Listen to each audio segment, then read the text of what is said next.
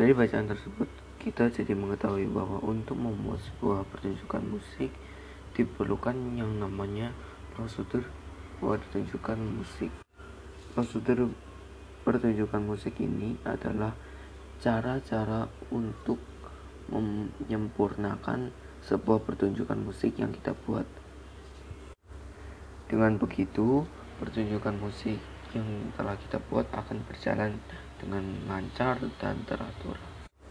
Isi dari prosedur pertunjukan musik adalah hal-hal yang bisa menyempurnakan sebuah pertunjukan musik seperti mulai dari menyusun jadwal latihan, merancang kostum dan properti, sampai pembentukan tim panitia pertunjukan dan lain sebagainya.